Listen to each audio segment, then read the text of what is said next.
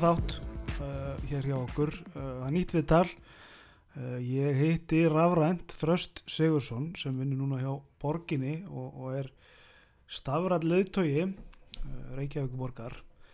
Um, okkar leiðir þrastar hafa leiðið saman á sín tíma unni við báðir hjá ITR en Þröstur rekur einmitt í byrjun viðtalsins aðeins sína sögu þar sem hann kemur inn til vinnumálastofnunar og fær svona aðeins að fá smjörþefin af þessu þessari stafrætni vegferð og, og stafrætni þjónustu eða rafrætni þjónustu.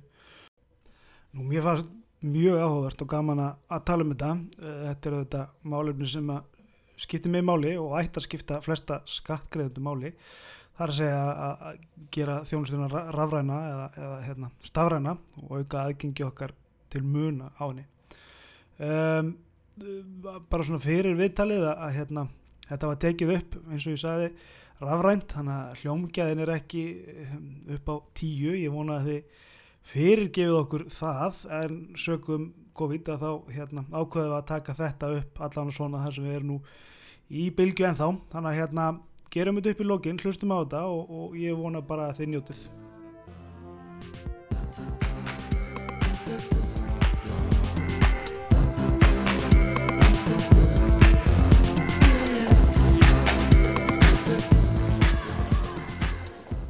Röstur, takk fyrir að koma og spjallaði mig. Það er hérna gaman að fá þig loksins til okkar. Við erum uh, hérna rafrænt að spjalla saman í dag og, og það er vegna COVID en líka bara vegna hana þannig að hérna, hérna ég vona allir, allir fyrirgeð okkur það. Ef hljóður er ekki eins gott og í setti og, og annars ef fólk verður ekki satt þá bara verður það hittast aftur og tala um eitthvað meira í settinu.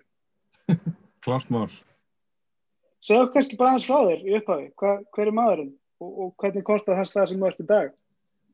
Uh, já, uh, góð spurning. Ég, ég heiti Sett Röstur og er, er hérna bara strákur úr lögðinni Um, ég fór uh, bara um tvítugt að vinna hjá, hjá gamla ITR, Íþrótt tónstafræði, og var þar að vinna með úrlingum og, og fekk svona brjála passjón fyrir, fyrir því að vinna með ungu fólki og fór í námi í kennaráskólanum, það er tónstunda á félagsmálafræði þar, útskast með jakraða það og svo ég var alveg í tíu árið eitthvað í, í þeim bransa. Og það var bara ótrúlega þróskandi og skemmtilegt og maður fekk að kynast svo mörgum mörgum þáttum bara í lífinu og, og stjórnur og rekstri og annað uh, og því að rekka félagsmyndstöðar og, og hérna mannaráningar og mannesmál og vandamál og rekstur og allt þetta sem að hérna, allir þessi lærdomur kemur einhvern veginn það og ég var þar í tíu ár og, og fekk á tækifæri til þess að fara til um, vinnumálastofnunar þar sem ég var að vinna með ungu fólki líka, hjálpa ungu fólki sem hefði mist vinnuna í, í rauninu og voru aðalega fókusera á 16 til 25 ára aldursópin og vorum að hjálpa, hjálpa þeim í fólki við að komast aftur út á vinnumarkaðin eða inn í nám eða að finna einhverjar lausnir. Tók meðal annars þátt ég að, að hérna uh, rafaða umsóknir um, um atvinninsbætur og, og fór aðeins í hérna, vefþróun og svona annað hjá þeirri stofnun. Mm -hmm. Og svo hérna uh, fær ég að hafa bara mikið áhuga á, á þessum stáruna málum og ég er búin að taka hérna einhver, einhver námskeið og annað upp í endumöntun í breytingastjórnun og ofnberi stjórnsvíslu og eitthvað svona með svo og sá svo að það að vera að opna rafræna þjónustumisti hjá er bara í brýjar í hendin umsókn og, og hérna gengur vel og er bóðið starf. Og við erum búin að þróa það konsept í núna í um fjögur ár og mm -hmm. hef fengið að, að hérna þroskast hér líka alveg gríðarlega mikið og hérna, við erum núna að vinna á þjónust og nýsköpunarsviði hjá Reykjavíkuborg og okay. við erum sagt, að, með alveg massíft agenda í fanginu núna að hjóla í risastóra stafrænar umbreytingar og reyna að, að hérna, klára sig mest að þeim á næstu þreymur árum. Það er, er mikið challenge en ótrúlega spennandi verkefni og, og vegferð og Já, við erum búin að vera í, líka í svona allþjóða samstarfi með hérna, Bloomberg Philanthropies og, og Harvard sem okay. er búin að vera að hérna, vinna með öðrum, öðrum borgum og þess að Bloomberg er að skilgreina Reykjavíkuborg sem eina af 20 uh, framsæknustu borgum Európu þegar kemur að stárunum málum. Ég fekk það tækifæri að fara í gegnum, ég og Óskar Sandholt, sviðstöru hjá okkur, fengu það tækifæri að fara í gegnum svona námslínu hjá Harvard sem að heitir bara Digital Innovation Initiative sem að er hérna, við kláruðum það núna í mars. Þetta er bara búið að vera alveg geggju vegfæð og það er geggju vegfæð framöndan hjá okkur. Ég trúi því, hvað, hérna, bara einskeri forveitni, hvernig er, er þetta ná með þessi námslína beigð upp? Veist, hvað, hvað er það að taka þarna? Bara breytingastjórnum út í gegn eða er eitthvað meira í þessu? Hvað er í þessu? Já, það er bara rosa, já, breytingastjórnum er alltaf rosa ríkt og það er líka bara farið inn í, inn í uh, rekstur, kerfisrekstur, uh, mannöðsmál og stánar umbreytingar, ferlagreiningar og, og allt þetta og við náttúrulega byrjuðum í þessu hérna, pre-covid sko. Og þá hérna átti þetta að vera þannig að, að skólinn ætlaði sérst að fljú okkur út í, í hverjum mánuði til þess að taka lotur. Mm. og við vorum svo afskaplega hefnir að fá að fara allavega einu sinni út. Og svo bara fór allt í lockdown í Breitlandi þess að loturna voru haldar á, á hérna, aðalskristum Bloomberg í, í London. Já. þetta bara já, þetta búið að vera alveg, algjörlega geggjað sko eru þið þá líka að, að sko, hvað maður að segja, þræða frumskó ofnbæra stjórnsýslu, því að það eru þetta bara frumskóar að vinna í, í breytingum. Algjörlega, það er náttúrulega gríðalegu lærdómu líka bara að taka case studies frá öðrum uh, stofnunum eins og bara hérna á Íslandi sko, að við erum alls ekki nú duglega við að miðla á milli stofnana og milli kerfa við þurfum að gera miklu meira því og þarna er til dæmis byggt, námið þetta er byggt upp á svona case studies frá öðrum borgum og öðrum, öðrum stopnunum, bara alls þar í heiminum og það er að taka þau fyrir og stúdra þau alveg neyri í frumyndir og taka einn lærdóminn og það eru jafnvel þeir sem að voru að vinna í þessum case studies sem er að koma og, og tala um sinn lærdóm og hvað fólk tók með sér og hvað hefði gert öðruvís og allt þetta. Þetta er náttúrulega bara ótrúlega vermætt. Já, já.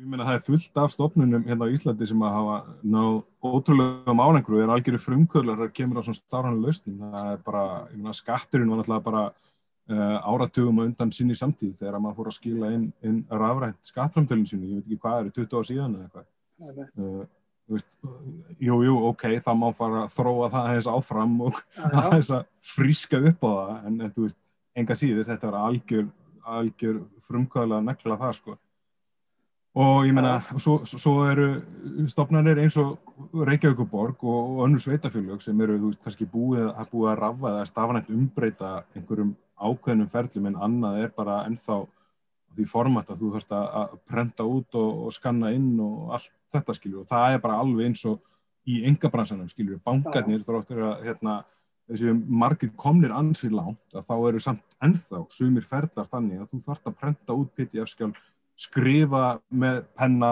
skanna inn og senda eitthvað, skilju. Þetta er bara allstað, það eru allir að vinna í því saman. Sko. Já, já, svo ekki sér nefnt sko innviðir bankana. Í Kanada þá vann ég með einum sem var hérna, hann var sagt, kerfisarkitekt uh, út í Norður Ameríku, vann fyrir TD Bank og eitthvað svona og hann hefði talað um það bara að, veist, út af því að ég lærði á sko innviðakerfin, mm -hmm. bara hérna, legacy kerfin þau er bara set for life út af því að líkunar að þeir skipt út þessum kerfum eins og litlir, þannig að maður að bara sæl, það er rosalegt að svona stóru burðu fyrirtæk sem bara lært inn í í einhverju kerfum, í einhverjum legacy kerfum sko, og eins og hrættið að breyta þeir sko.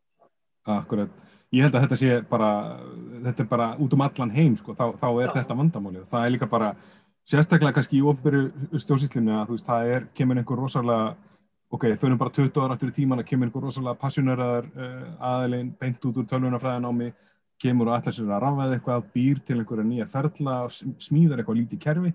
Það virkar ótrúlega vel á þenn tíma uh, og svo er það bara ótrúlega þægilegt að vera með hennar starfsmann í vinnu því að hann viðkomandi viðheldur kerfinu og, og hlutinni bara rulla og þetta bara allt í einu er þetta orðið eitthvað svona já en þetta hefur bara alltaf verið svona dæmi sko. uh, þú veist, þú spyr bara af hverju þetta gera þetta, af hverju, af hverju gerir þetta einhvern veginn öðruvísi? Og fólk svara bara já en þetta hefur bara alltaf verið svona. Já, veist, uh, og svo bara þróast hlutinir og svo fyrir allt í einu uh, þessi starfsmæður sem var ungur og feskur og skrifaði eitthvað lítið kerfi er allt í einu fann að eftirlaun eða fann að gera eitthvað annað skilur mm. og þú sittur uppi með kerfið í fanginu sem að enginn kann á og þú veist, og þú getur ekki tekið á sambanda þegar þá hrinni allir ferðanir og þú veist, þú veist einhvern veginn að reyna að viðhalda einhverju, einhverju skrýmsli sko. kannski stökkum yfir í, í hérna uh, annan lið sem er svona stuttspurningar uh, ef við Mhm. vindum okkur það og komum svo tilbaka í, í, í spjallum um hérna stafrinu og eitthvað nefnir borginni og, og aðeins hvað eru stödd þar en fyrsta spurning þar er, er hérna hver er þín skilgrinning á, á tækniskuld? Já, uh, ég held að tekniskuld sé bara nákvæmlega það sem við vorum að tala um áðan, nema bara á aðeins stærri skala. Já, það ertu með, segjum svo svo, með eitthvað kerfi sem einhver einstaklingur er búin að smíða, hefur verið keft inn fyrir einhverju mörgum árum og það verður ekki verið setju peningur í að fjárfesta í því og það er síðan látið tengjast inn í eitthvað annað kerfi eða í einhverja ferðlagreiningu eða eitthvað CRM-kerfi eða eitthvað. Uh, og þá ertu bara búin tengingu þar á milli uh, og á þeim kannski fyrir 10-15 ári síðan þá var þessi hugmynd um vefþjónustur eða vefþjónustur laga, þá var það bara ekki til uh, og þá ertu allir búin að búa til einhvern svona vef af einhverjum gömlu stöfið, er búin að búa þér til tækniskuld og ég meina þetta getur líka alveg átt við sko hérna, fólk eins og kerfi veist, maður getur hérna, maður getur orðið sjálfur að tækniskuld hjá, hjá fyrirtækjunni eða stofnunum sem maður er að vinna hjá sko. en maður er ekki nú duglegur við að uppfæra sig. Og, og við að uppfæra sig, hvað, hvað eigum við þar? Eigum við bara, hvað? Bara að skilja tækni? E, sækja sér endurmyndun vera stöðut að sækja sér í eitthvað eitthva nýtt og fest og fylgjast með því sem er í gangi. Vera daldið svona þystur í nýjan fróðleik og, og ný tækifæri og allt þetta sko. Meina, það, það er að poppa upp hérna endurmyndunarstofnun alveg hægri vinstri. Það er ekki bara lengur endurmyndunni HÍ skilur, það, við erum með HR sem er alveg svakalega öfluga opna, opna háskólan þar og veist, aðra stofnun eins og Akademia og fleira sem eru að bjóða upp á bara nám og námsleiði sem eru bara ótrúlega bara flottar og bara ótrúlega vel gert. Það er einn ein faktor sem að ná tengdur við þessu sem mútið að nefna sko, símentun og, og hérna, tengist held ég tækniskuldinni uh, sko, sem er svona kannski regli fyrir ofan það sko, en það er fylgnin á milli þess að sko, sækja sér endurmentun og vera forvitin við síðan getuna að breyta bara fljótur til þess að mm. aðlaga þig, aðlaga hvernig þú hugsa, hvernig þú vinnur að það er fylgni á milli þess sest, ef þú ert stöðugt að uppfæra þig stöðugt í símentun, alltaf forvitunum hvernig hluti virka á annars slíkt og þá ertu mun aðl, aðlunar hefni er orðið sem er að leita hún er mm. há ef þú ert á hinnustöðunum þannig að hérna Algjörlega, mér finnst líka hérna, ótrúlega gott sem ég tengir og svo mikið við sko bara skapandi hugsun eða skapandi skrif. Við fórum hérna námskið fyrir einhverjum ára síðan þar sem ég lærði þetta og við vorum látið skrifa upp þess að texta uh, og þú vanda okkur að gera einhverja sögu. Þú þurfir að fá einhverja hugmynd og það var unnið að láta eitthvað hugmynd. Og skrifa þær upp texta og þetta var svona saga þín og það var sagt við á þeirri, þú ert síðan að kynna að lesa söguna hérna upp fyrir restin af námskeiðinu. Og maður er eitthvað, ok, pínu stressaður og svona laðið metna í þetta. Svo þegar þú réttir upp hönda og segir, já, ég er búin með söguna, þetta er allt tilbúið. Og þá er svona, já, heyrðu, taktu söguna og hérna taktu blaðið og pappirinn og beglaða saman, krumpaða saman og hendu þetta í slöðuna og skrifaði söguna eina aftur. Uh, þetta var sem ég verið svo geggjað. Þarna varstu búin að, hérna, þarna höfður allt í hennu aðlæga því og þú varst búin að taka inn, sko, fyrst á maður svona sjokkaraði, býti, hvað hva þetta meina maður? Ég er búin að leggja hérna hjarta og sáli þetta og, og ég verið að fá að koma þessu frá mér. Og þá höfður allt í hennu aðlæga aðstæðum og endur skrifa söguna eina og yfirleitt þá var punkturinn sem það ætlar að koma með var, sko, hundra sinni betri heldur en hann var í upprunalega pappirinu, sko. Sko, viðbótarspurning sem dekkur í hug út frá þessu sem að með minninu að þú hefur uh, verið eitthvað í kringum en allavega mannstu líklega eftir þessu úr tímanum út til að við náttúrulega hérna, höfum heilt ákvör mannum klálega í tjara á sín tíma. En það var þetta uh, þetta sem maður heyrði mjög oft frá ákvörnum í tjarliðu sem var Kill Your Darlings. Já. Hvað, hérna, hvernig tengir þetta saman? Þetta er nákvæmlega það. Og einhverju tíma þú eru að vita sko, allt. Við erum orðin rosalega filosófiskir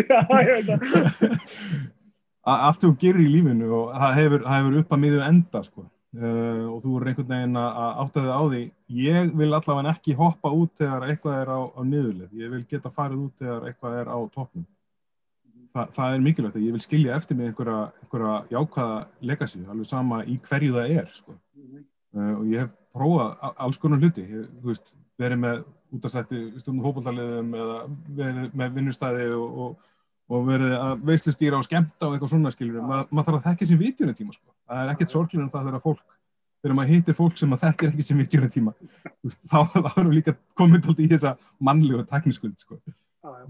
maður vil ekki setja uppi þar sko. Og maður verður að vita hvenar maður, maður á að hérna, uh, ganga frá einhverju að lappa, lappa út frá einhverju og, og svo frammiði sko. þetta, ég held að þetta koncept, þetta Kilja Darlings, ég held að þetta er danst koncept sko, sem að kemur frá hróaskjeldu á, á sínu tíma, þessum að hérna, þessum voru að halda hróaskjeldu voru að reyna að finna upp á einhverjum nýjum leiðum til þess að geta að laða til sín eitthvað nýtt og spennandi og, og funduð upp eitthvað nýtt og alltaf þegar það var alveg að ná flugi að þá hættu þeir með það. Mm -hmm. Þeir skildu alltaf eftir sko þessa vöndun í meira, þú veist. Mér finnst þetta geggja koncept.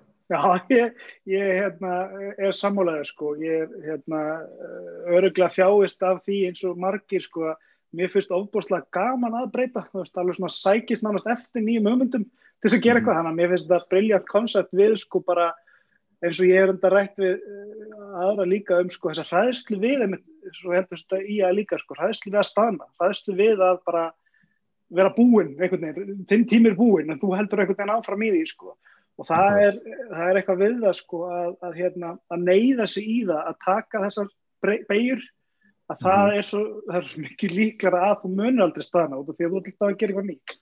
En allavega, tökum, tökum, tökum næstu hérna ræðspurningu, einstaklingsbundin einstaklingsbundin hérna stafran vegferð, hvað er það? Já, það er hérna góð spurning. Ég, ég skilgrinni er þannig að hérna, ég er búin að taka ákvörðun fyrir mig um að fara í stafran vegferð, ég er búin að taka ákvörðun um ég ætla að vera með snjálfsíma eins og 98% af, af öllum einstaklingum yfir 10 ára aldrei á Íslandi. Uh, þar með er ég komin að staði í starfnöðurfröndinu mína. Ég er að lokka mig inn með Apple ID-inu eða með, með hérna, Google Home account eða whatever og allt í einu á heimilinu mínu er ég farin að tengja uh, alla ljósaperur í íbúðinu inn í Google Home kerfið. Mm -hmm. Fann að tengja alla hátalara í kerfinu inn í Google Home kerfið og ryggsuguna mínu. Ég get tengt, þú veist, þóttavöluna mín inn í þetta. Þetta, ef þú ert með, með þessa punkt að tengja hjá þér, þá ert á kaf, þú ert á byllandi kaf í, í stafrætninu eitthvað. Þú veist, þetta er ekkert annað en það. Það eru margir sem eru rosa hrættir við þetta koncept, þetta stafræn vegferð, það eru allir að tala um stafræn vegferð hitt og þetta. Þetta er ekki til að hræðist, þetta er bara nútími. Já, já, já það, það er, er góð punktur. En, en þá hérna stafræn lögtöð, hvernig er þín skilgjörning á stafræn lögtöð? Uh, já, stafræn lögtöð var inni á, á hérna inn í fyrirtækjum þurfum við náttúrulega að geta tekið alltaf utanum þær stafrinu lausnir og verkefni sem er í gangi hverju sinni og þurfum að geta að leiðsagt fyrirtækinu einhvern veginn og stjórnendum áfram í því hvað svona best practices í þessu, hvað er gáðulegast að gera næst og þurfa líka að geta alltaf augrað norminu og vera alltaf svona kultúrhakkarar í eðli sínu, ekki sætt þessi við svarið já en þetta hefur bara alltaf verið svona, þú veist að augraði, þú veist að fara út, út fyrir kassan og veist, þessi starfrannu leituða líka það má ekki nota eitthvað svona stjórnenda eða teknital í, í sinni orðræði. Það þarf alltaf að reyna að sjá hlutinu út frá sjónarhól þess sem að hefur að ræða við hverju sinni. Veist, ég held að ef, að ef að maður hefur þessa hlutið einhvern veginn á, á tæru og þá ætti fyrirtækið að hérna, veist, geta einhvern veginn skara fram úr og, og og ná miklu betri árangu og það er líka bara mikilvægt að hvetja fólk til þess sem hefur áhuga á þessum málefnum, stafrænum málefnum og sérstaklega stafrænleitu að vera að nördast alltaf og prófa sér áfram og, og lesa tímaritt og bækur og þetta er ógrinni af, af bókum sem að snúa að stafrænu hitt og stafrænu þetta eða, eða stjórnenda hérna, bókum og stjórnendaráðgjöf og allt þetta mm -hmm. það þarf að prófa sér áfram með þetta lesa HBR, lesa Vægert, hlusta á þessi hlaðvörð tjekka á Alphabet Soup hjá, hjá Google Podcast veist, bara einhvern veginn tæknivarpið og allt þetta, bara prófa sér áfram í þessu og hlusta á þetta, veist, kannski fílar eitthvað þessu og kannski ekki mm -hmm. Þarf hérna, stafrætt leittögi að vera inn í efsta lægi fyrirtækja eða er þetta aðeins sem á að vera allt um líkjandi? Nei, ég held að þetta sé aðeins sem að það að vera svona, já, svona omnipresence það að vera, vera til á öllum öllum, hérna, öllum levelum Veist, þetta er aðeins sem það er að geta að tala bæði við, við hérna, uh, þann sem er að sinna framlýðið þjónustu, að geta að tala við frangvæntistjárnum og þú ert að geta hendur um á svið þannig að það geti verið að tala fyrir því sem er framöndan mm. þetta er hérna eru, þetta eru pínu einhjörninga nálgun sko, en, en veist, þannig er þetta nú bara og það er til alveg fullt af fólki að núti en maður sér það núna á aðtunulísingum það eru rosamörg fyrirtæki að auglýsa eftir stafrænum ráðgjöfum eða stafrænum leitum eða hvað það er. Það eru, öll, þetta inniheldur öll þessi element, bara fólk sem er aldrei svona velur það líka að mæta með meðvitund í vinnuna. Það skiptir ótrúlega miklu máli. Algjörlega, sko, til, hérna, svolítið hugsa um þessa, sko, þessa hefni sem þarf til að vera stafræð leitvegi. Mm. Hérna, mm. verður þess aðalega að vera með tækni bakgrunn? ég held að tækni bakgrunnur, það mun ekki endilega skemma fyrir þér svo mikið sko, en, en það hjálpa þér allavega að þú verður að skilja tækni, þú verður að vita um hvað þetta snýst og þú verður að hafa áhuga á þessu. Þú veist, ef þú hefur ekki áhuga á því sem þú verður að fást við, alveg saman hvað það er, þá náttúrulega myndi ekki ná neinum áhuga. Við gluktum svo þá. En við snúum okkur eftir þá bara aðeins að hérna borginni. Hvar, hvar erum við stött í dag í, í, í stafræfni vegferð Reykjavík og borgar og og bara til þess að sko, ramma það einn sko, ég átta mig á því að við munum þetta er, er stöðut verkefni það mun aldrei vera bara við erum búin að ná þessu upp, þetta er bara komið við getum allir fyrir heim, en hvað erum við stætt í dag? Já, við erum hérna, uh, ég er búin að vera hérna núna í fjögur ár og það, er, það eru fjögur ár frá því að við tekjum ákvörðun um að stopna þessa rafrænu þjónustumist á sínum tíma eins og hún hétt þá Mm. og sagt, þetta einingi sem heitir núna þjónust og nýsköpunarsvið er búin að vera að þróast svona hægt og rólega síðan þá það er búið að innlega hérna, þjónustu stefnu þar sem að er verið að leggja áherslu á, á notanda meða nálgun og þjónustu hönnun í öllu sem við erum að gera og það er verið að búið að taka svona meðvitað ákvörðin um að fara á kaf í stafranavegferð sem að er bara, bara frábært og við, við erum búin að keira af stað svona proof of concept verkefni og það er búið að ná miklu betra utanumhalda utanum öll þessi legacy-kerfi, það er búið að kortleggja algjörlega hérna, hvernig kerfisstruktúrun er svona mestu leiti uh, þannig að við erum komin á ansi góðan stað, við erum að nálgast einhvers konar, einhvers konar byrjunaritt ef maður á að vera hérna, aðeins hóvar í þessu allt sem við hefum gert fram á þessum punkti hefur verið undirbúningu fyrir þessa stund mm -hmm. núna erum við að hérna, við erum að hefja af alvöru, þú veist stafrænar umbreytingar, þá að keira á miklum krafti á þetta núna næstu þreymur árum og að gera álöp á alla þessa umsóknarferðla og alla þessa þjónustu sem borgin er að veita og reyna að innfalda þetta og færa þjónustuna nær borgarbúum og búa til meira virði fyrir borgina á sama tíma. Þegar þú segir að koma, það er að komin á núlpunkt eða byrjunarreit, hvað áttu við með því? Áttu við hérna bara tækni eða bara fólkinu veist, eða þetta hugafarsbreyting sem við erum að tala um að...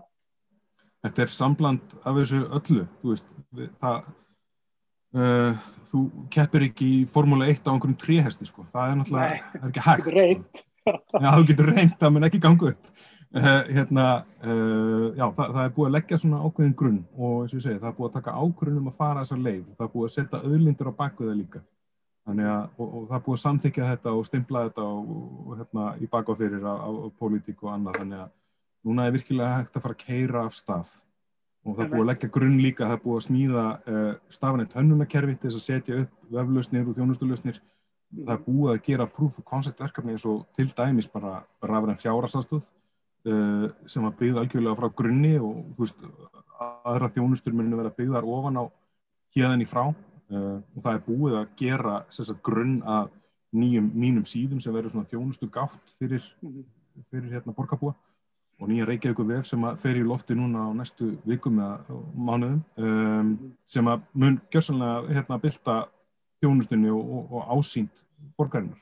Nei, með það er bara svona eitt sem bara poppar upp í hausin á mér gagvart þessu, því að ég hef unni hjá borgin í, í dágóðan tíma að það er þetta sko ég myndi svona giska það að flestir sé einhvern veginn með á vagninum. Þetta er bara svona, já, þú veist, við vitum að þetta verður, þú veist, kostnaða minna betra aðgengi, þarlendi betur þjónusta. Þannig að þá einhvern veginn fyrir maður að hugsa, sko, ok hva, hvernig gengur það einhvern veginn að innlega þess að þetta er allir bara algjörlega með og bara ekkert vesen eða er, er eitthvað svona hraðahindran og fyrsta sem ég dettur í hug er, er sko sílóin sem er, því að borgin er alltaf svo flók, flókin skeppna, þú veist, hún er með mjög ólíka aðila innan sagt, bara kerfisinn, þú veist, þú veist með þú veist, skólana, þú veist með þú veist, hverfismiðstöndar, þú veist með hérna, með félagstjónustuna og þú veist, þetta eru alltaf ólíkir hópar, hvernig gengur að vinna að þessari innleðingu og ná þessum, þessum hópum með sér? Er eitthvað svona hraðhendranir varandi, varandi menning og annað? Nei, þetta gengur bara fint. Nei, þetta er hérna, þetta eru, eru miklar áskorunir í þessu eins og í öllu öðru og alltaf þegar það kemur að breytingastjórnum líka bara ef þú hittir einhverja mannesku og þú segist vera hérna, change agent eða breytingastjóri í gagvart einhverju að fólk mun alltaf fara í baklós fyrst, það eru fyrstu viðbröðin. Það er bara eðlilegt, það er bara mannlegt. Mm -hmm. Þannig að, og við, þú veist, komið með það agenda nú eða breyta allir þjónustur ekki okkur borgar þú veist, það er náttúrulega það verður eitthvað mjög skrítið að fólk segja bara það myndi gefast upp og segja bara já, flott, komið inn og, og gerið eitthvað þeim. Þetta er ekki alveg þannig. Og við heldur við sem, slík, við sem sviði ætlum ekki að koma inn á heimsíðin og gera þetta fyrir þau sko. við erum að hjálpa hinn um sviðinum að anna árengur og breyta þjónustunum sinni og ná fram meira virði og, og gera betur þjónustu fyrir borgarbúa þetta verður ekki gert öðruvísi. Alveg hálfrið eitt sem hún segir, þetta er marg höfða skeppna Reykjavíkuborg og hérna Veist, ég veit ekki hvað þetta eru 330 starfstöðvar eða eitthvað, þannig uh, að maður getur ímyndið sér og 10-11 þúsund starfsmenn sem vinna hjá borginni, þannig að það er að mörgu að, að hyggja, ekki spurning og líka bara eðli starfseminar er svo ótrúlega ólík. Hérna, við erum með framlýfni þjónustu hér í þjónustu veri, er, veist, það eru fólk inn á öldrunaheimilum eða fólk sem er að vinna á leikskólum og grunnskólum, frísundaheimilum fólk sem er að vinna við, hérna, við sorphyrðu eða, eða bílastæðaverði eða hvað það er skilur, bara, mm -hmm. þetta er allt saman hérna undir mm -hmm. það er alveg 100% bara eðlilegt að það muni verða muni komið upp áreikstrar og, og vandamál og allt þetta, við erum fullkonlega meðvituð um það, það er bara fylgjur þessu mm -hmm. En hver er eitthvað nálgun í, í því að bregðast við þessu, þetta er það er mjög mannlegt að fara upp á afturfættunar eða að fara í lás um, fara í mótstöðu eða jafnvel, veist, bara loka á sitt svona síló, þetta er minn hópur hérna og við ætlum bara að halda orðum að gera okkar. Hvernig gengur að vinna á þessu, veist, og hver er eitthvað nálgun? Það gengur alveg bara mjög vel, myndi ég segja. Veist, uh, við erum ekkert að, hérna, Uh, það, það verður engin snúin í stafruna vegferð við erum ekki að snúa henni niður og þvinga henni í stafruna vegferð það, ekki, það virkar bara ekki sko. Nei, nei, það gengur ekki. En, hérna, uh, en sem betur fyrir þá eru eh, bara, í flesti sem við tölum við eru bara freka peppaðir fyrir þessu og átta sig á því að, að það eru bara nýju tímar og aðrar kröfur og þarfir hjá, hjá borgarbúðum sem við þurfum einhvern veginn að, að mæta. Það eru langt flesti sem átt að segja á þessu. Sko, sílóvæðingin getur líka verið á svo mörgum levelum sko. það, þú getur bara að tala um sko, kaffestofunni hjá þér sjálfum sko, eða eitthvað skilur, ja. það, það verður alltaf til síló skilur, þetta er ja, þinn botli, þú er alltaf drukkið úr honum og, ja, og þú, þetta þarf bara alltaf að vera svo leiðis þannig að það er hægt að tala um sílóðum þar sko, en, en hérna já, ég myndi segja að þetta gangi bara generally bara mjög vel. Mm -hmm. Við hefum búin að eiga frábært samstarf við sko, öll svið borgarinnar og, og við hefum eftir að snerta á næstu í flestum einingum núna á næstu, næstu árum. Það er ekki flestir frekar opnir fyrir því að fara í þessa vegferð. Það er kannski, ja, það sem ég myndi ímynda með væri að það er, eins og ég hef regjum á í breytingaverkefnum, er að fólk er hrættið til dæmis að fá ekki nóg stuðning, fá ekki nægilega símöndum til þess að við vilja bara ráða við þetta En, en hver er svona þín upplöfun af því? Veist, hvernig, hvernig er fólk að taka í þetta og, og, og hérna, hver er viðbröð? Við fáum yfirleitt bara mjög góð viðbröð. Eins og segi, fólk stígur alltaf á bremsuna fyrstum sinn, fólk er kannski smegt eða eitthvað svoleiðis við þetta og heldur að, að hérna, stóra fjóruða einbildingi sé að koma og geta störmið þeirra og allt þetta. Sko. Það, er ekki, það snýst ekki um það. Sko. Það ekki. Nei, nei. Þannig að hérna, við erum að vinna þetta með fólki. Bara, ég get ekki dæmi eins og með þegar við fórum í hérna að gera fjárhásastofana stafræna þá, hérna, þá er það unni með fólki sem að var að vinna á gólfinu, var að vinna mm. með fólkinu sem var að sækja um þess að þjónustur. Við tókum það bara inn í þróunatemi hjá okkur og þar byggum við til bara úr þessu fólki sem var að vinna á gólfinu, byggum við til bara svona sérfræðinga í stafræni fjárhásastöð og þau eru að vinna ennþá í því, þannig að þetta snýst náttúrulega um þetta, að þú ert að búið til verðmættar í störf. Já, já, einmitt. Já, já, og það er, ég held að það sé hérna bara klart svona gott skrif að taka þetta að, að fá fólkið með í þetta, einmitt að bara taka það inn í hópin sem er að hérna, vinna að þessu en ekki bara, hérna, við erum búin að klára þetta, gjör þessu vel, hérna er þetta, við sjáumst eftir halvt ár og það er eins gott við kunnið á þetta. Akkurat, það verður líka að verða til einhvers sko þekkingar í þessum þú getur ekki komið inn bara með eitthvað krú og, og breytingur og svo að lappa krúið út og það verður ekki þekking sit, sem sittur eftir í, í stofnunum eða fyrirtekinu sko. Það verður að vera einhvers þekkingar í þessum til staðar og þú verður að búa til svona championa í þessari löst sem þú ert að þróa til þess að geta viðhaldiðinni og haldi með löstinni áfram Já, einmitt, en er eitthvað svona, er eitthvað svona hérna, mann og jorðið yfir þetta, en svona breytingaþreita, veistu, því að ég hef farið inn í hérna bæði ráðunetti og, og undirstofnunir og, og maður upplifir á stundum að hérna flestir eru kannski búin að vera í breytingarham í svona tvö ár og þá upplifir maður að hérna kemur ein breytingin í viðbútt og fólk bara, mm -hmm. nei, ég trúi þess ekki. Ein í viðbútt, hefur þau fundið fyrir einhverju svoleiðis? Uh, já, já, sjálfsögðu. Það er bara, eins og við sagðum á það, allt, allt þetta er bara mannlegt og maður er tilbúin að taka því að því er ekkert að í baklási við því. Hérna, uh, að, þú mynd mæta þessu viðmóti hjá bæði starfsfólki og þú mynd sjálfur upplifa þessar hugsanir meðan á þessu öllu stendur, skiljur við.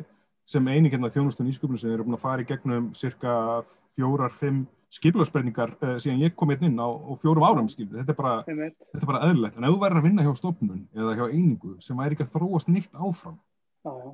myndur þú virkilega njóta þess að vinna þar? Ég, ég veit það ég allavega, fyrir mér persónulega ég þrýfst rosalega vel í svona umhverfi, það sem eru stöðuða breytingar og það er alltaf verið að ítrá þetta er bara daldið úr aðsjálf hugmyndafræðinni skilur, við erum að ítrá það sem við erum að gera og ef það er ekki að ganga upp þá bara tökum við aðra ítrun og sættum okkur við, ok, við gerum mistök hér og við ætlum að bæta þetta næst Já, ég hef um teilt að segja, er það ekki stöðu ítrun? Er það ekki hunddagstöðu stöðu ítrun? Hvað er það? Það er bara íslenskun á þessu continuous improvement. Þetta er bara svona hugtakur agile. Þetta gengur út á það að þú veist, þú ert með einhverja, þú ert alltaf að gefa út einhverju vöru og þú ert bara að byrta hana eins og hún er og svo ferðu aftur yfir fellana, uh, endurgerir eða, eða endurhannar og gefur hún út aftur. Alltaf að ítra það sem þú ert að gera. Nefnir. Það er annað sem ég veist að vera mikilvægt líka ef við erum að tala um svona buzzword stöðu ítrun. Það er, það er hérna ígrundun, eitthvað sem ég lærði á svona tími í, hérna, í kennor. Sko. Það að taka inn, gefa sér svíðrum til þess að taka inn lærdóm af einhverju sem ert að gangi í gegnum. Alveg saman hvort þú sést að læra eitthvað nýtt, að lesa einhverja bók eða fara í gegnum einhvern erfið að funda eða eitthvað. Þú verður að gefa sjálf með svíðrum til þess að ígrunda það sem þú varst að upplifa. Þú, þú veist, aðeins þannig verður til eitthvað næsti í bakbókan fyrir þig fyrir næstu, næstu vegferð. Einmitt. Ég held að þetta sé geggjaði punktur sko. Í, í mannustjórnunum er rosa mikið talað um þetta hérna, lærdomssamfélag, veist, það þarf að búa til lærdomssamfélag til þess að hérna, veist, einingar og fólk getur þróast betur. Og veist, þá þarf þetta alltaf að vera samsamandi, kerfin, ferðlarnir, hugsanarhátturinn, fólki, það verður alltaf að tala saman gafkvært því að, þetta þú segir að þessi plást til þess að búa til þekkinguna. Og því að eitt er að fara í gegnum ákveðnar hluti en þekkingi verður ekki til nefnum þú vinn rúrinni sko. Akkurat. Þannig að hérna, ég, ég held að þetta sé mjög sterkur punktur með, með þessa ígrundun sko að hérna um, ég held að, að það gleymist svolítið oft sko að búa til þetta rými til þess út af því að við erum svo duglega þjóð sko við erum alltaf að vinna sko þannig að setja hósi kaffi og horfum glukkan þetta er rugglaður. Já, ég heyrði einhvern veginn mitt lýsa þessu um daginn að hérna, það var alltaf að vera gaggrina fyrir að vera starf út á gluggan og hann kom alltaf með afsökununa slakað á, ég er í nýsköpun. Hann horfði út á gluggan og láti sér detti eitthvað sniðið til hug. Þetta er bara mjög vannmeti og það er líka bara ég held að við þurfum að setja fókusundaldi á bara á geðheilbriðismál og annað, sérstaklega á þessum tími sem við erum upplegað núna, þú veist getur ekki gert þessu sömu kröfu og fólk er að vinnandi heimið og sér að skila 8, 9, 10 tímum á dag veist, í, í þessu umhverju. Þú verður að gefa fólki svigrum og þú, verður að huga að manneskunni og, og, og, hérna, og heilsu viðkomandi. Já, já. Ja. En ef að viðkomandi er ekki í toppstandi þá mun ekki delivera neinu tíðin. Sko. Nei, nei, og nú ætlum ég að koma með hérna, mjög mikla ádelu líklega sko, en hérna, ég var nú eins og fyrir, fyrir, hérna, fyrir stjættafélag og mm. hérna þá þurftum maður að garfa í kjærasamningum og annað og setja sér inn í þetta og um, það satt svolítið í mér sko að, að hérna ótengt kannski kjærasamningum en maður fór að hugsa sko hérna að sérst, vinna margra er einhvern veginn svo, svo hérna bundin við það sem gerist þar, þú veist, í kjærasamningum í einhverju svona þróun á, á samningum og, og hvað við erum skildum til og þurfum allt þetta og maður fór að hugsa, ok, en, en þú veist, ég skil það að við erum að hafa eitthvað svona golf, þú veist, það verður að vera eitthvað golf sem er bara, hérna, um, þú veist, meðum ekki frundir, það er bara, þú veist, það er illa séð og frundira, en við erum svolítið gleyma, sko, þetta er bara golfið, þú veist, þú ert að skapa umhverfi til þess að ná einhverjum árangri, að vera framskapti, þá þetta fara fyrir ofan golfu, þá er ég ekki að tala um laun, heldur ég að tala um sko skipulægið, að það sé ekki bara, er, þú átt að setja við, þú fara tvö korter til þess að fara kaffi, hálftími mat og ég ætla ekki að borga hann, skilur mm -hmm. og finnur svona svo skrítið með þetta vinnustæðamenningin er bara, þú veist, að setja allir í haldi í stóli sem alveg bara, ég ætla ekki að standa upp fyrir einhverjum korter í þrjú, þá fer ég í kaffi og, hérna, og ég verði að sitja hérna við og berja á liklaborðu til þess að vera að gera eitthvað í stað þess að einmitt, fara eins út úr þeirri hugsun og segja bara og hvernig er þú sem einstaklingur því mesta mm. út úr þér þarf það að fara klukkutíma út að hlaupa bara eitt með einn dag, gegja, gerða mm -hmm. þarf það að fara heim klukkan þú veist, tvö og klára heima, þú veist, yfir kaffibótla þar, bla, skilur bara hvað, eh, hann hérna Tim Ferriss sem er talað svolítið um þetta, að svona prófa ja. sig áfram sjálfur við bara að maximæsa sig sjálfur og það okay. er einhvern veginn umræðan sem ég myndi vilja fara bara út frá sko þróun mannus og bara hvernig mannusmál í Íslandi er að stefna úr þessu svona kjara samlingsbundna tali sko yfir í bara mm maksimæsu við bara mannin sem við höfum sko. Algjörlega og það er líka að hugsa það sko að verðmættistu fundinni sem ég tek þeir eru á kaffistofunni það eru óframlegu fundinni sem að gerast bara einn á kaffistofunni í spjallinu hérna litlu á göngunum eða í liftunni eða hvað sem það er. Þeir eru skil oft miklu meira verið fyrir mig heldur en einhverjir eh, þú ég sitja átt að fundum á dag eða hvað það er sko það er bara að því að þetta mannlega, þetta touch þetta skiptir svo ótrúlega miklu máli og og þú ert að ígrunda, þú ert að reflekta og allt þetta sko og þú verður að gefa fólki sviðrum til þess að gera þetta. Og verður að, ef einhverju er að sitja hálftíma í kaffi, einhverju spjalli, bara so be it maður, hver er þú að tapa skilju, þú ert bara að græða. Já, já, ég menna þó það væri ekki, þú veist að þú sjáum bara hérna er bara, hún er tilbúin heldur bara það að sko, ok, ég er að smíða teimi teimin verða að fá að tala saman, kynnast Veist, í hverju þröstu bestur í, veist, hvernig, hvernig læri inn á hann? Og verður ekki á klálsverðu þetta. Þetta snýst ekki um hérna, þetta snýst ekki um hérna klukktíma hópöflu og þá bjóður eftir veist, það er bara, það er ekki neitt. Þetta er hægt í, í, í mörgum störfum, ég held reyndar að sé hægt að einlega þessa hugmyndafræði og ætti að gera það á, á fleiri stöðum líka, þú verður bara að hugsa um þú veist og þetta gerist náttúrulega á meðvita þó fólk vil ekki viðkenna, alveg sama hvað þú ert að vinna inn á leggskóla, grunnskóla, hvað það er sko, þú átt þessi vöxtur, þessi gróska hún á sér stað inn á kennarastofunum og inn á kaffestofunum og í leikskólanum og allt þetta, alveg sama hvað þú ert sko. ah, og það er bara, fólk er ekki tilbúið að viðkynna á einhverjum ástæði sem er eitthvað skrítið einmitt, sko talandi þetta og svo lofa ég að fara aftur ramman og halda með hann. Hérna, þetta er ekki ekki að bara við þetta poppar hérna upp saga að hérna, mann svolítið eftir að þegar maður var að vinna einmitt, ég fór síðan einmitt af ITR inn í skóla og frísundasviðu og vann þar hérna, samlega skólanum í, í, í þróunaverkefni um, og ég mann það að sko það var svona hort hotnögu á það að veist, kennarar og, og síðan líka veist, okkar gamla fólk ITR fólki var að fara veist, í einhverjar námsferðir erlendis. Var einhvern veginn bröðl er þetta en þegar mm. maður einhvern veginn 15 ára setna horfður tilbaka þá var þetta sem satt eftir þar yes. fekk maður stöfið sko bara ekki Akkurat. við að opna einhverju bók og bara er ég ætla að lesa mér til um þetta til þess að innprenta inn í eitthvað það var að fara að sjá mm. þetta, halda á því, snerta það taka þáttið mitt, fá sér kaffi með fólkin sem var að gera það mm -hmm. Það er geggja og líka veist, ég gera, þegar ég er farið á svona rástefnuna þá gef ég mér akkurat tíma eftir hvern fyrirlestu til þess að hugsa um hvað var að gera og hvernig tengi ég það við minn raunveruleika og allt þetta sko, til þess að búa til virði fyrir mig, þannig ég geti haldið áfram að búa til virði fyrir vinnustæðin sko. Það er þessi ígrundir. Við erum alltaf að koma aftur að þessari ígrundir sko. við, erum að, að imprenta það dífól, að hérna snúm okkur að hanska ekki að borgin aftur. Að hérna þessar breytingar eru þetta ofbúslega miklar eh, og það sem að sittur eftir í hugunum mér alltaf verið þessi blessaða vinnstæðamenning hvernig það gangi að vinna með svona ofbosla ólíkum vinnustæðamenningum út um allt og í ofanálag eh, ekki bara vinnustæðamenningum, líka þessi ólíku hagsmur þessara hópa. Mm -hmm. Hver er eitthvað nálgun þar og hvernig gengur ykkur með það?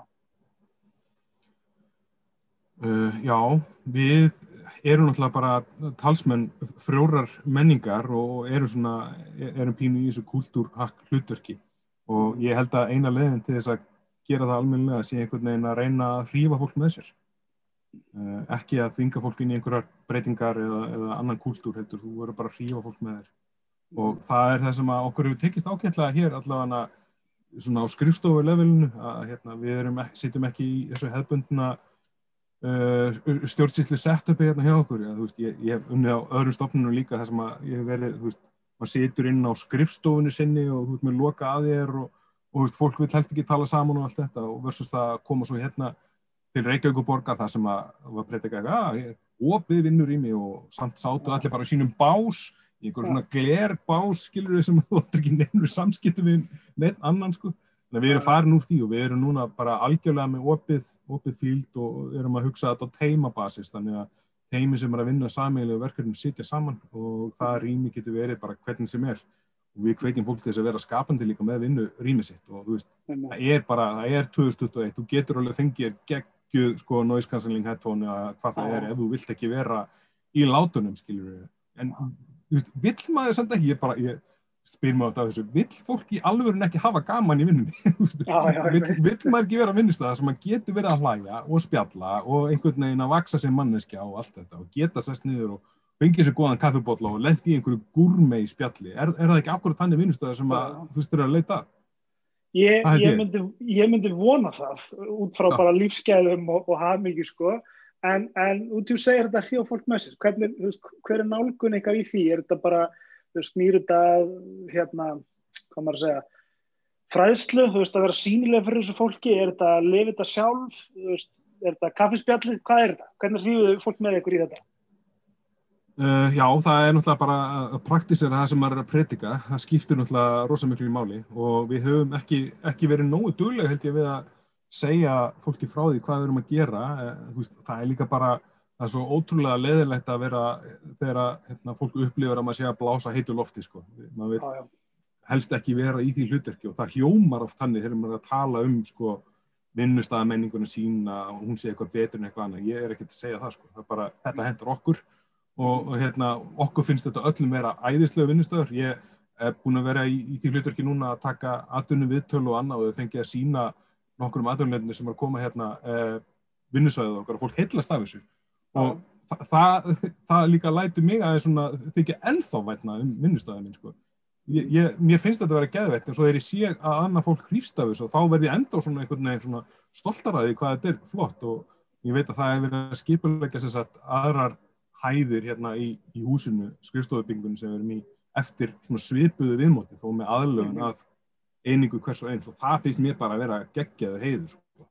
og við erum búin að vera öll sem erum að vinna hérna, á hérna, þessu plani erum, þetta, er, er sameinlegt effort allra veist, við heldum vinnustofu uh, með öllu starfsfólki þessum að þarfir hvers og eins fengu að koma fram og áhyggjum hvers og eins fengu að koma fram líka og það voru alltaf áarpaðar vorum að beita þessari notandamiður nálgunni hvernig við skipulögum uh, vinnusvæðið okkar og þetta er að, að hérna, praktisa praktisera það sem er að predika. Ég held að það skiptir bara rosa miklu máli.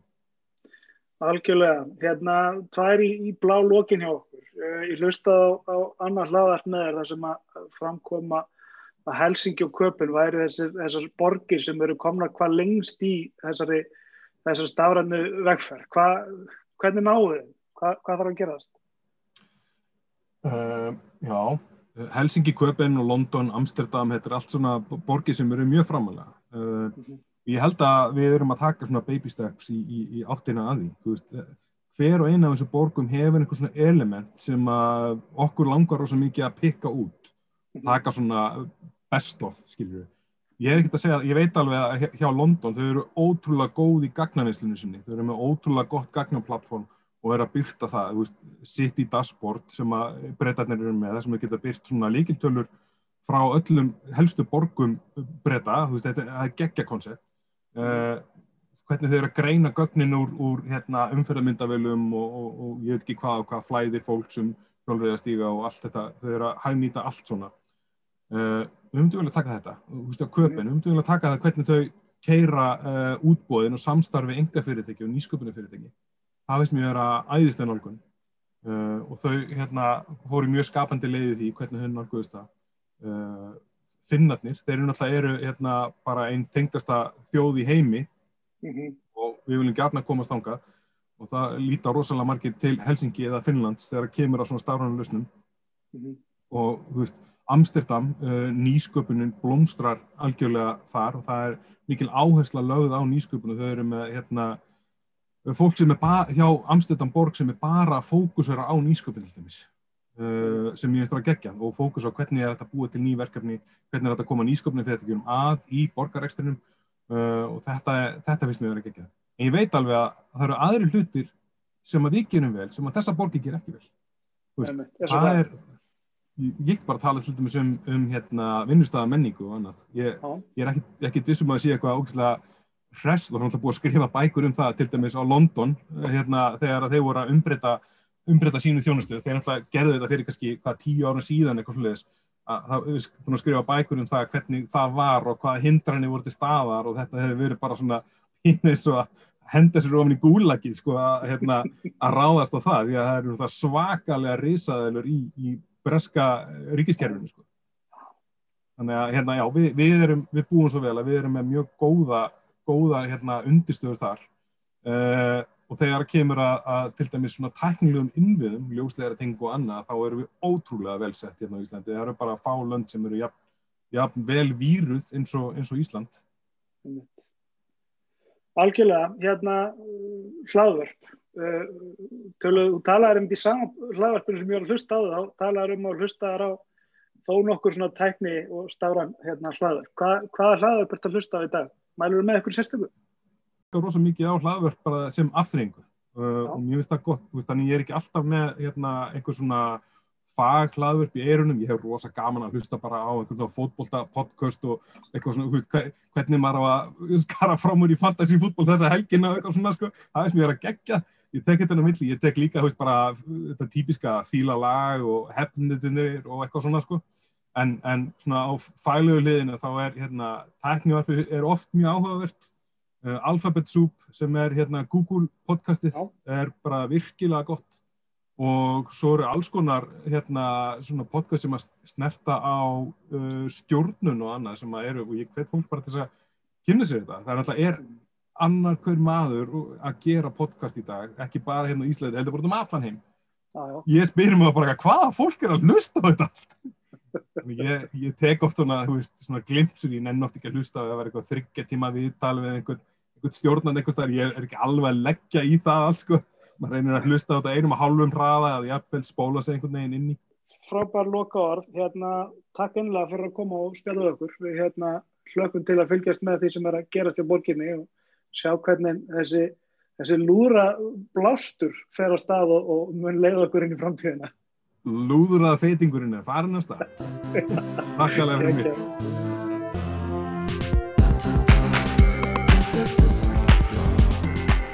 Já, skemmtilegt. Hérna, bara svona að gera þetta eins upp í lokin, í blá lokin að hérna, gaman að sittast niður með þresti. Það það er gaman að heyra hversu skapandi og frjóran er og, og hérna bara gaman að hlusta á hann tala um, um það að vinna með fólki á svona ólíkum hérna, ólíkum grundvelli þar að segja í þessu mjög ólíka umhverfi.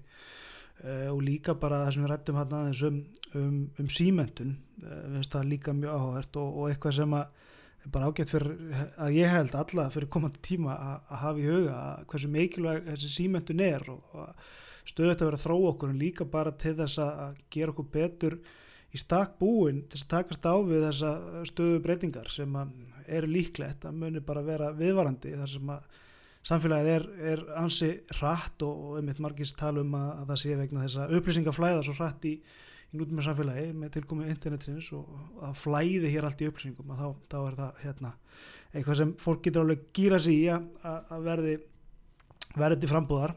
Jæja, nóg að bablinu mér. Hérna að þakka þresti að koma og, og spjalla við mig og taka, taka tíma á deginum til þess að spjalla við mig. Um, takk fyrir að hlusta. Ef það er eitthvað sem þið viljið koma framfari þá ekki hika við að senda tölupóst eða, eða jafnvel á LinkedIn. Uh, hvort sem það eru spurningar eða viðfáðsefni sem þið varu til í að láta okkur takast á við þá bara endilega gera það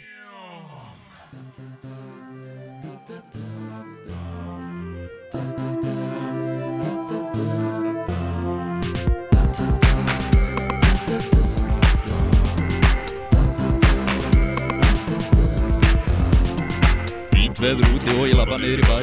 Þeirra ofan, allt í læg, þetta súkulaði stíki það kannum tryggjum Hæna sem ég lit ver, hæna sem ég næ.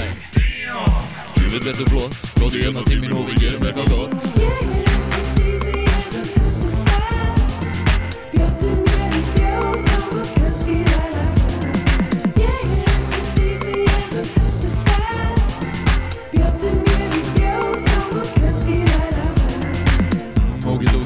Að vera að vinna. Hvað sem er til að fá þig til að svitna. Byrjaður að hitta hana Virkar alltaf vel að flexa pínu vöðana Segir við hana, búin að snúa stugur Eins og Fred Astaire Læt í ganga á kaplónum Gef mig parkett færmestru og ég steppaði úr fötónum